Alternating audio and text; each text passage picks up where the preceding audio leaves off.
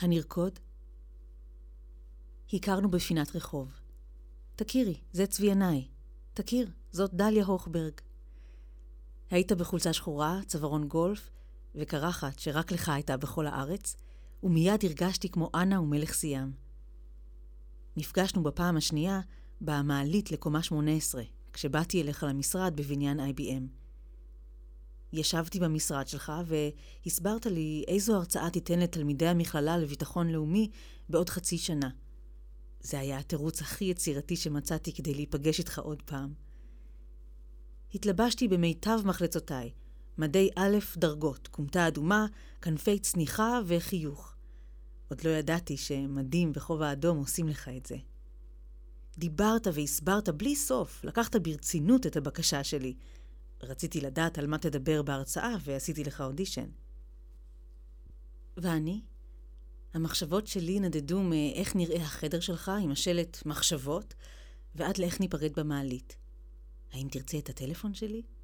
האם נקבע משהו? עמדנו ליד המעלית. אמרת לי שלום, לחצת את ידי. לחיצה חמה וחזקה, ומצאתי את עצמי יורדת לקומת קרקע. ואתה? שום כלום. חזרתי הביתה ולא האמנתי שלא הצלחתי. אמנם לא היה לי, ואין לי, ניסיון רב בהשארת רושם ראשוני מהמם. ישבתי וחשבתי לעצמי, יול ברינר מצא מלכה אחרת. עבר שבוע, והטלפון בבית מצלצל. צבי ינאי מדבר.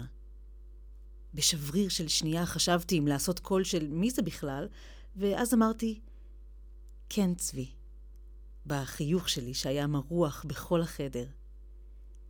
תראי, אמרת לי, בעוד חצי שנה אולי אמכור את הרכב שלי. האם תוכלי לסדר לי הסעה אליכם לבסיס?